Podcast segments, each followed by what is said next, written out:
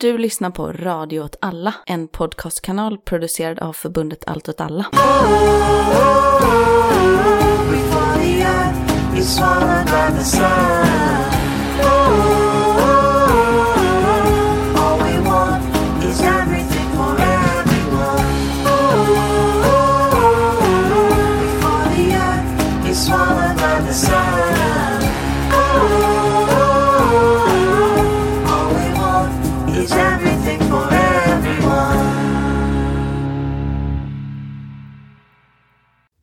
Morgon. God morgon Hanna.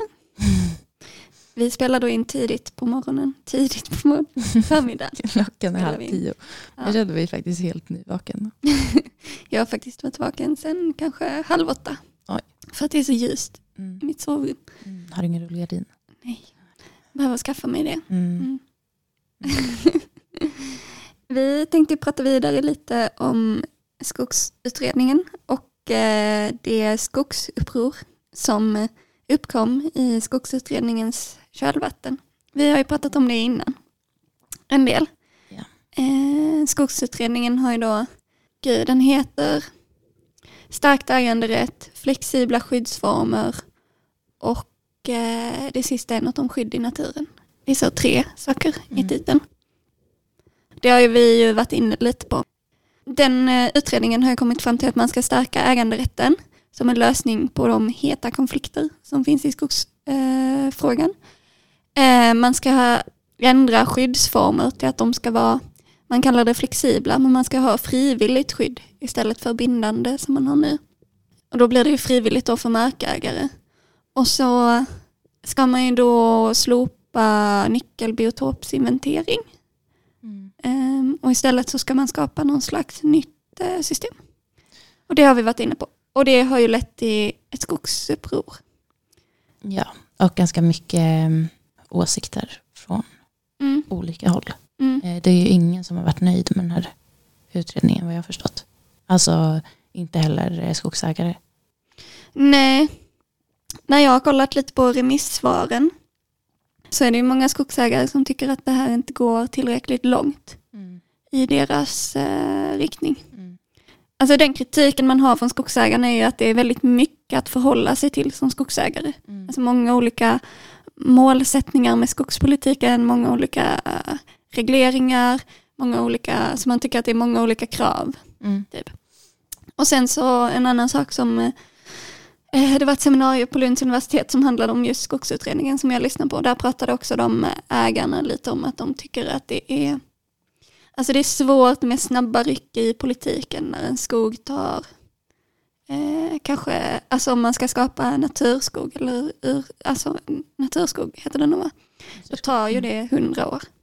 Och, men även att de kanske var så här, de träden vi sätter nu, de avverkar man om 30 år. Mm. Så det är 30-åriga investeringar. Det är 70 år va? Ja, 70 kanske det, Mm. 70 år.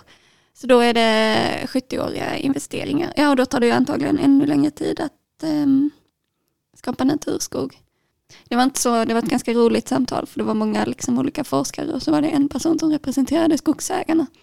Eh, och det var liksom ingen som ville lite prata med henne Nej. för att Åh, hon hade ett så eh, helt annat perspektiv Ja. eh, än alla andra. Hon var så tydligt inte en forskare utan en intresseperson. ja.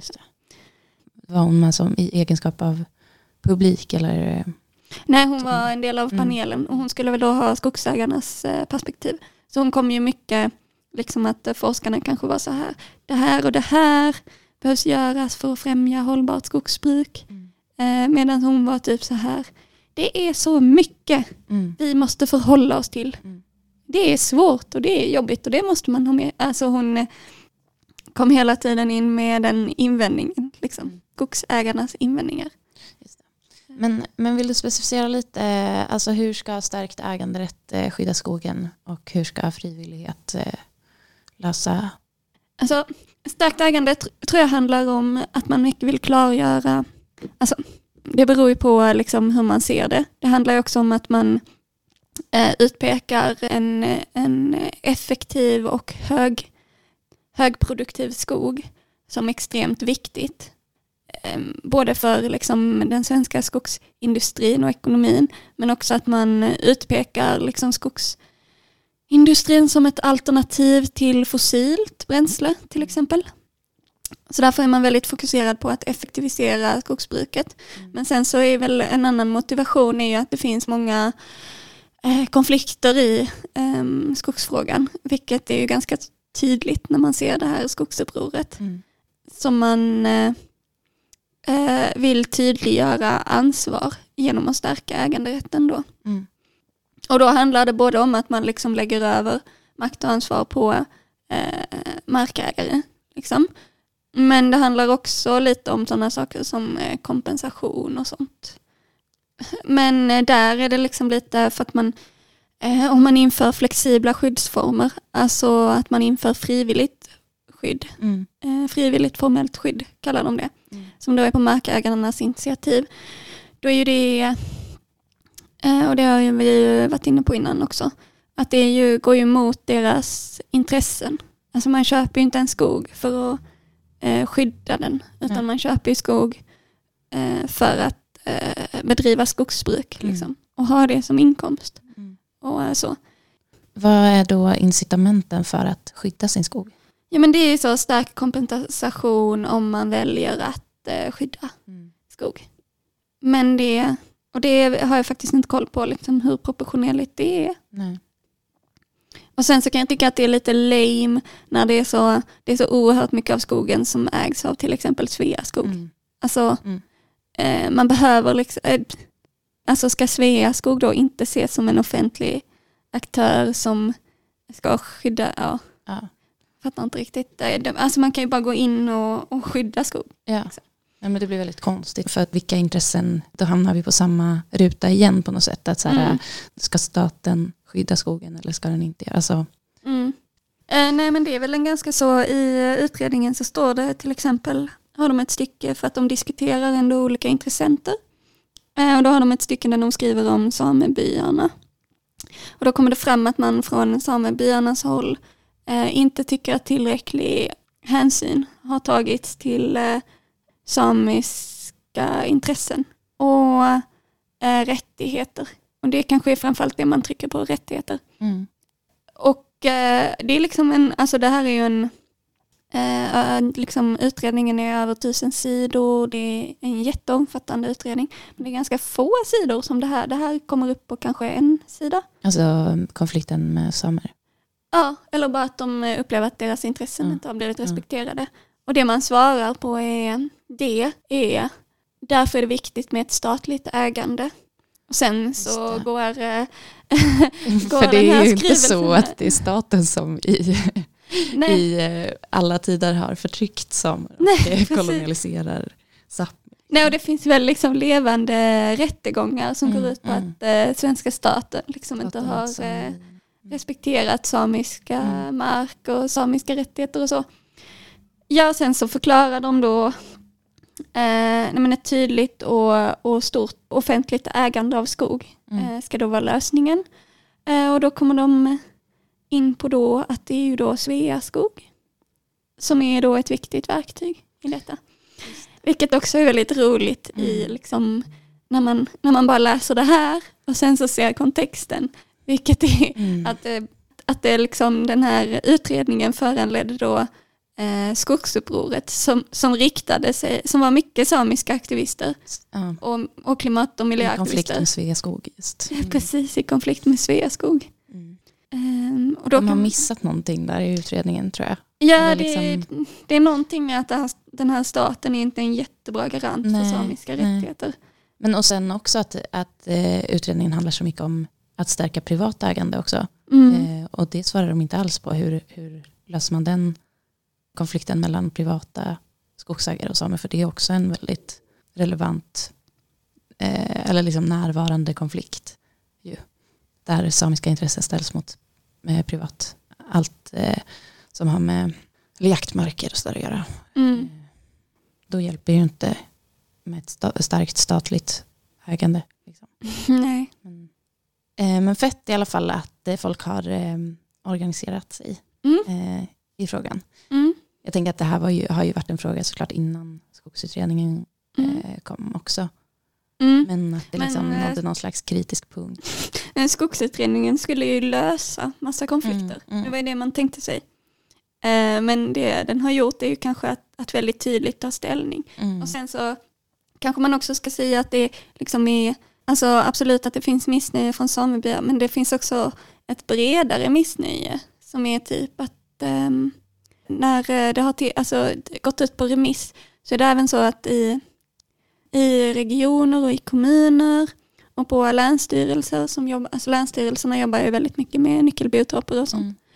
Mm. Ehm, så har man ju inte sett så positivt på den här eh, utredningen. Nej. Sen så är det klart att det finns liksom olika delar av den som man har varit så här, ja, det här är ju absolut en effektivare process. Vad är det så för typ av kritik som har kommit från dem? Ehm, nej men det har varit kritik, det handlar ju, man ska ju sluta med den här nyckelbiotopsinventeringen. Det har vi varit Och det har legat på landstingen förut. Ja, de har Mm. haft register och sånt Ja, över det. ja. Precis. Alltså det har ju varit liksom engagerade, Frivilliga liksom, ja precis, som, som har det. utfört inventeringen. Mm. Eh, nej men och då har man, eh, för det, för, alltså man, det man har gjort är att man har sagt att det är rättsosäkert att göra inventeringar utan något syfte. Mm. Så det betyder att nu så vill man liksom att det ska eh, tas initiativ till eh, att utreda vad har den här marken för naturvärde och då ska man få göra en nyckelbiotopsinventering. Eh, för nu har man haft inventeringar som har skett liksom på frivillig basis och det har kunnat ske eh, fritt utan liksom att man behöver sätta igång en utredning. Liksom, utan det har bara eh, hänt. Mm. Och då vill man också då göra sig av med de register som finns. Mm. Och det tror jag att man, jag vet inte, det är lite som att, eh, att reaktionen är lite så här, nej inte ska vi sluta med nyckelbiotopsinventering. Och ska vi göra oss av med alla, alltså det blir en väldigt så, att just det, att man också vill göra sig av med registren. Har eh, varit mycket negativa reaktioner. Och det handlar ju om att det är ett jättestort kunskapsunderlag som försvinner. Ja, det är jättemycket viktig information som finns samlad och så vill man bara slänga det. Det blir väldigt konstigt att, att säga vi gör oss av med den här informationen för att det finns ingen rättslig grund för det istället för att se att liksom, här har vi jättemycket information, hur kan vi göra eh, liksom, om det systemet så att, så att det ger incitament för att skydda skog istället för att Men jag Mm. tänker att det både kanske är en sån eh, företags affärshemligheter, att det är privat mark och att man är så här, eh, då är det deras kunskap eller deras information. Så att det finns någon slags sån väldigt sån privat tanke i det. Men jag tänker också att det finns en tanke om typ så här, eh, att man tänker sig att statens uppgift då är att vara en reglerande instans och att motsatsen skulle vara så att man tänker sig att staten är liksom allt det gemensamma, alltså det, det gemensamma projektet där man samlar kunskap och där man skapar någonting tillsammans. Och att det, det, ja, men det blir, det blir- liksom en skiftning både i hur man ser på den privata ägandet i relationen till skogen, Ja. men också typ i skiftning i vad staten har för roll i samhället. Typ. Ja, Nej, men man kan ju hålla med om att det är ett problem att det vilar på en rättsosäker grund. Eh, Men, men problemet är ju att det vilar på en rättsosäker grund. Eller lösningen blir ju, eh, bo- borde ju vara då att se till att det finns en, Mm. en grund för det. Mm. Inte att ta bort hela Mm. inventeringen. Mm. Liksom. Mm. Men jag tänker att även där så kan man ju tänka sig, eller så här, nu vet jag inte hur liksom, man förhåller sig till liksom, allemansrätt och rätten att röra sig i naturen och vara i naturen, men man hade ju kunnat tänka sig någon slags rättsordning som handlar om att, liksom, att även om naturen, alltså skogen brukas och är en produktionskälla på så sätt, så är den ju också liksom vår gemensamma omgivning. Och på så sätt så borde ju liksom information om den var rättsligt. Men jag tror att det Ja, mer men, och det är om... också ehm, väldigt märkligt att alltså skogen är ju inte en produkt som ett företag har, eh, alltså visst att man har eh, planterat de här raka leden av eh, tallar. Den informationen kan de väl få bevara eh, sekretessbelagd. Men, men eh, det är ju inte företagen, skogsbolagen som har skapat nyckelbiotoperna. Liksom. Eh, det, inte, det kan ju inte vara deras nej. hemlighet. Alltså då har, vi ju, då har ju äganderätt gått lite för långt. Men jag tänker att det kanske är att man, att man då inte tänker på det så mycket som det offentliga versus det allmänna. Liksom, vad, är det, vad är det offentligas roll mot allmänheten? Så mycket som det offentliga eh, mot, eh, gentemot skogsägare. Och att man därför tänker sig liksom att, att staten är någon slags klåfingrig kontrollinstans och att det blir rätt så säkert att de kan bara, men nu har vi en inventering som säger att det finns en, en groda här som är fridlyst. Ja, då tänker jag att den här nyckelbiotopsinventeringen handlar mycket om det här med fokuset på att eh, stärka äganderätt. Att man vill lägga över det på ägaren. Men jag tänker, Men vilka intressen skulle en liksom, skogsproducent ha att leta efter de här grodorna? nej, eh, det eh, har de ju inte kan man ju Nej. säga. Om det inte då- finns väldigt höga ersättningsnivåer. Liksom. Men, men då återigen som du sa, ingen investerar i skog för att skydda den. Eller ingen, det ska jag inte säga. Men de flesta vill, har ju ett intresse av att producera skogsråvara. Mm. Liksom. Mm. Så att ingen som inte vill liksom, sluta med det och lägga om sitt liv. Ja, eller åtminstone liksom eh, att om man avsätter en del till eh, skydd, att man då inte får eh, avkastning på den skogen. Eller eh, vad heter det? Vinst på den. Nej, precis.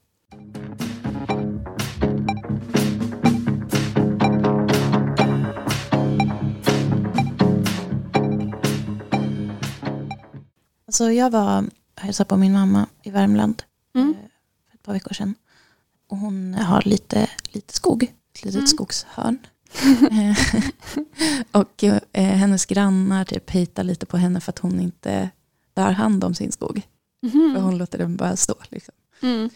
Men nu så har det kommit liksom problem med, eh, barkborrar och sådär. Det är ett stort problem i Värmland eller i stora delar av Sverige tror jag. Mm. Eh, barkborrar som eh, angriper eh, granar och eh, eh, tar, tar död på, på träden. Liksom. Mm. Och så sprider de sig väldigt mycket.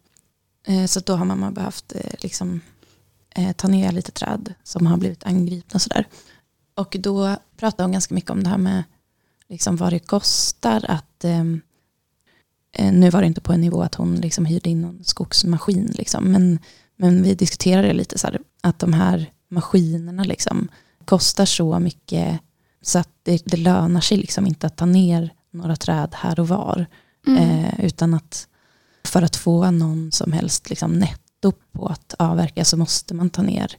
Eh, det, också, alltså det finns också något gränsvärde för hur mycket råvara eh, man måste eh, ha för att någon ska komma och hämta timmer. Liksom. Mm. Ehm, Och det är ganska höga värden. Liksom.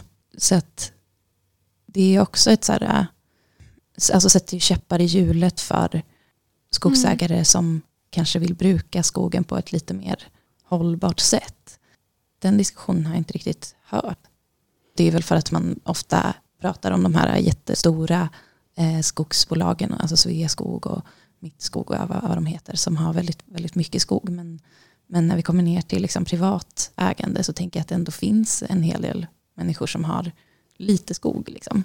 Mm, Eh, och som, som eh, kanske ändå har intressen av att, alltså som min mamma då som, som har så här, hon har ju inte ett eh, intresse, alltså hon lever ju inte på skogsbruk. Eh, så hennes största intresse med skogen är ju att hon liksom bor i, alltså att hon, eh, hon Mm. alltså att det har någon slags eh, personligt värde för henne eller liksom ökar hennes livskvalitet eller liksom sådär. Mm. Det skulle vara mer lönsamt för henne. Hon skulle säkert kunna tjäna en hacka på sin skog om hon eh, liksom kalavverkade Mm. hela plätten. Liksom. Mm. Eh, så det är det folk gör.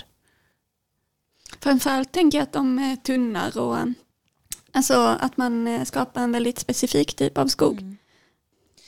Men en helt annan grej som hon också tog upp, som Mm. jag inte heller har tänkt på.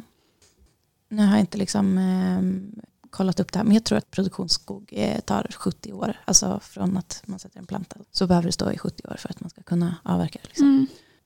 Och det innebär ju att till skillnad från annan liksom industri, även om det är en väldigt så här, effektiviserad eh, typ av skogsbruk, eh, alltså att man eh, använder olika sorters tallar och granar som växer extra snabbt och extra rakt, så är det ju ändå en ganska lång, eller en medelålders person som odlar skog har ju, kommer ju liksom inte kunna få avkastning på det själv, på den skogen, för att det tar 70 år.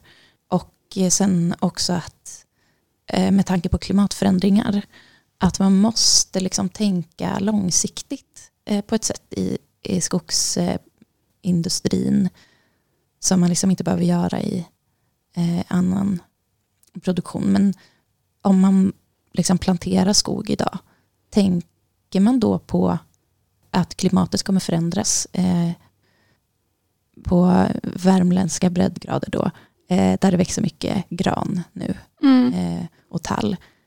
Tänker skogsägare där på att klimatet kommer förändras och att det i framtiden kanske är mer eh, gynnsamt att odla lövträd?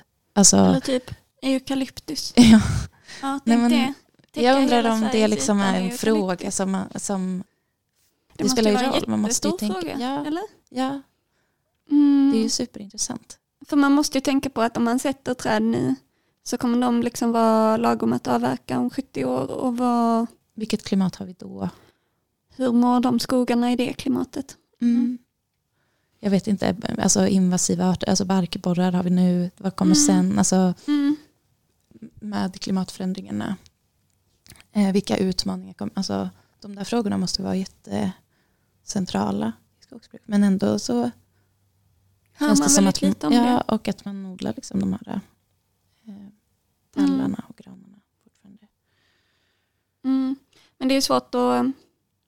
Man kan ju inte sätta ett träd nu som passar för ett klimat om 70 år. Det kommer inte växa. Det är Nej, också... fast det, har ju, det är ju redan varmare liksom. Mm, jo, lite. Mm. Mm. Jag tänker om bara 20 år så kommer det vara ganska stor skillnad. Mm. Mm, ja, det är såklart en eh, superstor fråga, tänker jag. Att om vi har samma klimat här som de har i södra Frankrike, då kommer det förändra hela ekologin. Mm. Usch vilken kris det kommer vara. Eh, Men det kommer ju, det måste ju lantbrukare också hantera och landskapsarkitekter och Mm. alltså alla och renskötare. Alltså det sätter ju fingret på varför det är helt sjukt att prata om skogen som, som eh, vilken industri som helst. Eller när det handlar om, om naturen och ekosystem så, kan, så går det liksom inte att applicera samma regelverk som i vanlig eh, produktion. Nej. För att det är så många andra många grejer som påverkar eh, eller yttre faktorer. Och, Och att vi alla lever liksom ja, i det. precis. Och av det.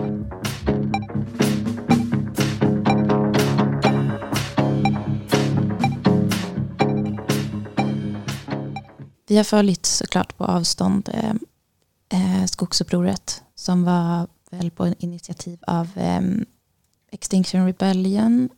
Jag tror att fältbiologerna har varit med ganska mycket och Mm. eh, ett antal samebyar. Mm. Och det har ju fokuserat på skogar i Sápmi och eh, i, ställt krav på dels att stoppa eh, avverkningar Mm. och eh, dels att eh, avkolonialisera Sápmi. Mm. Jag tycker att eh, en intressant sak som eh, liksom Extinction Rebellion hade ju en, en ganska tydlig så berättelse om typ att eh, nej så, vi, eh, vi håller på att gå in i en enorm kris, det är ju existentiellt. Mm. Någonting måste göras. Liksom. Men det är inte riktigt den berättelsen som har vunnit kraft utan det här upproret eh, kanske för att det är så format av eh, samebyarna och eh, fältbiologerna men också för att klimatrörelsen har så starka kopplingar till eh, det, den samiska liksom, eh, mm, rättighets och aktiviströrelsen Mm. eller så. Eh, så har det ju snarare format sig som någon slags rättighetsrörelse Mm. som tar mycket från så Nej men, eh, han, det är mycket om att avkolonialisera Mm. Eh, och det är mycket om att tilldela rättigheter. Eh, och både tilldela rättigheter, mycket ursprungsbefolkning men också tilldela naturen rättigheter. Mm. Och jag tänker att det är nästan den starkaste liksom, idémässiga fåran i den svenska så, miljö Mm. klimatrörelsen. Vad de är liksom färgade för, av för idéer. Typ. Vilket jag tänker att det är väldigt roliga med det är ju att det har skapat en del eh, liksom, den typen av allianser som fältbiologerna och samebyarna Mm. och Extinction Rebellion där som då eh, eh, protesterar mot eh, Sveaskog och blockerar. Och då är det ju mycket det här, det här eh, klimaträttvisa begreppet som vi har varit lite skeptiska till som eh, samlar. Ja. Ehm, mm, också rätt, alltså att det är mycket en rättviserörelse. Mm. Och det är väl en... eh, Men det är också då knyter man an liksom det här eh, globala syd med globala nord. eh, Och den typen av frågor. Men som också har lite av en sån antikapitalistisk fåra i sig. eh, Dessutom. Mm. Jag vet inte var jag var på väg med det. Mer än nej men att jag tycker att det har funnits lite olika idéer. Men att det är den som typ har vunnit kraft. Mm. Typ. Nu, nu provar jag en tanke här. Mm. Men jag tänker att det kanske är för att den här krisen är lite abstrakt. Mm. Men att specifika liksom, rättigheter är så mycket mer konkret. Mm. Liksom. Mm. Att det är en, en bit mark eller det är någons rättighet Ja. eller så. Och att det... Och att det är personliga Mm, eh, frågor. Alltså det, det är Mm. frågor som rör eh, personer här och nu. Liksom. mm, Så man kan se mm, eh, påtagligt att det här det är någon som är ett offer. mm, Eh, det är någon som är förövare. mm.